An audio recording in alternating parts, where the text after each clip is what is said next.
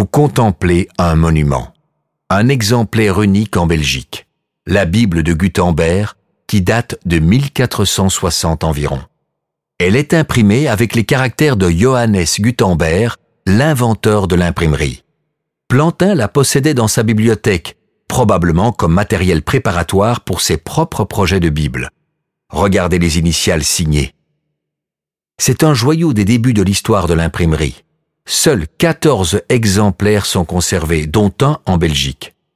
Le monastère allemand des Augustins à Nuremberg en a fait don à son institution sœur anversoise.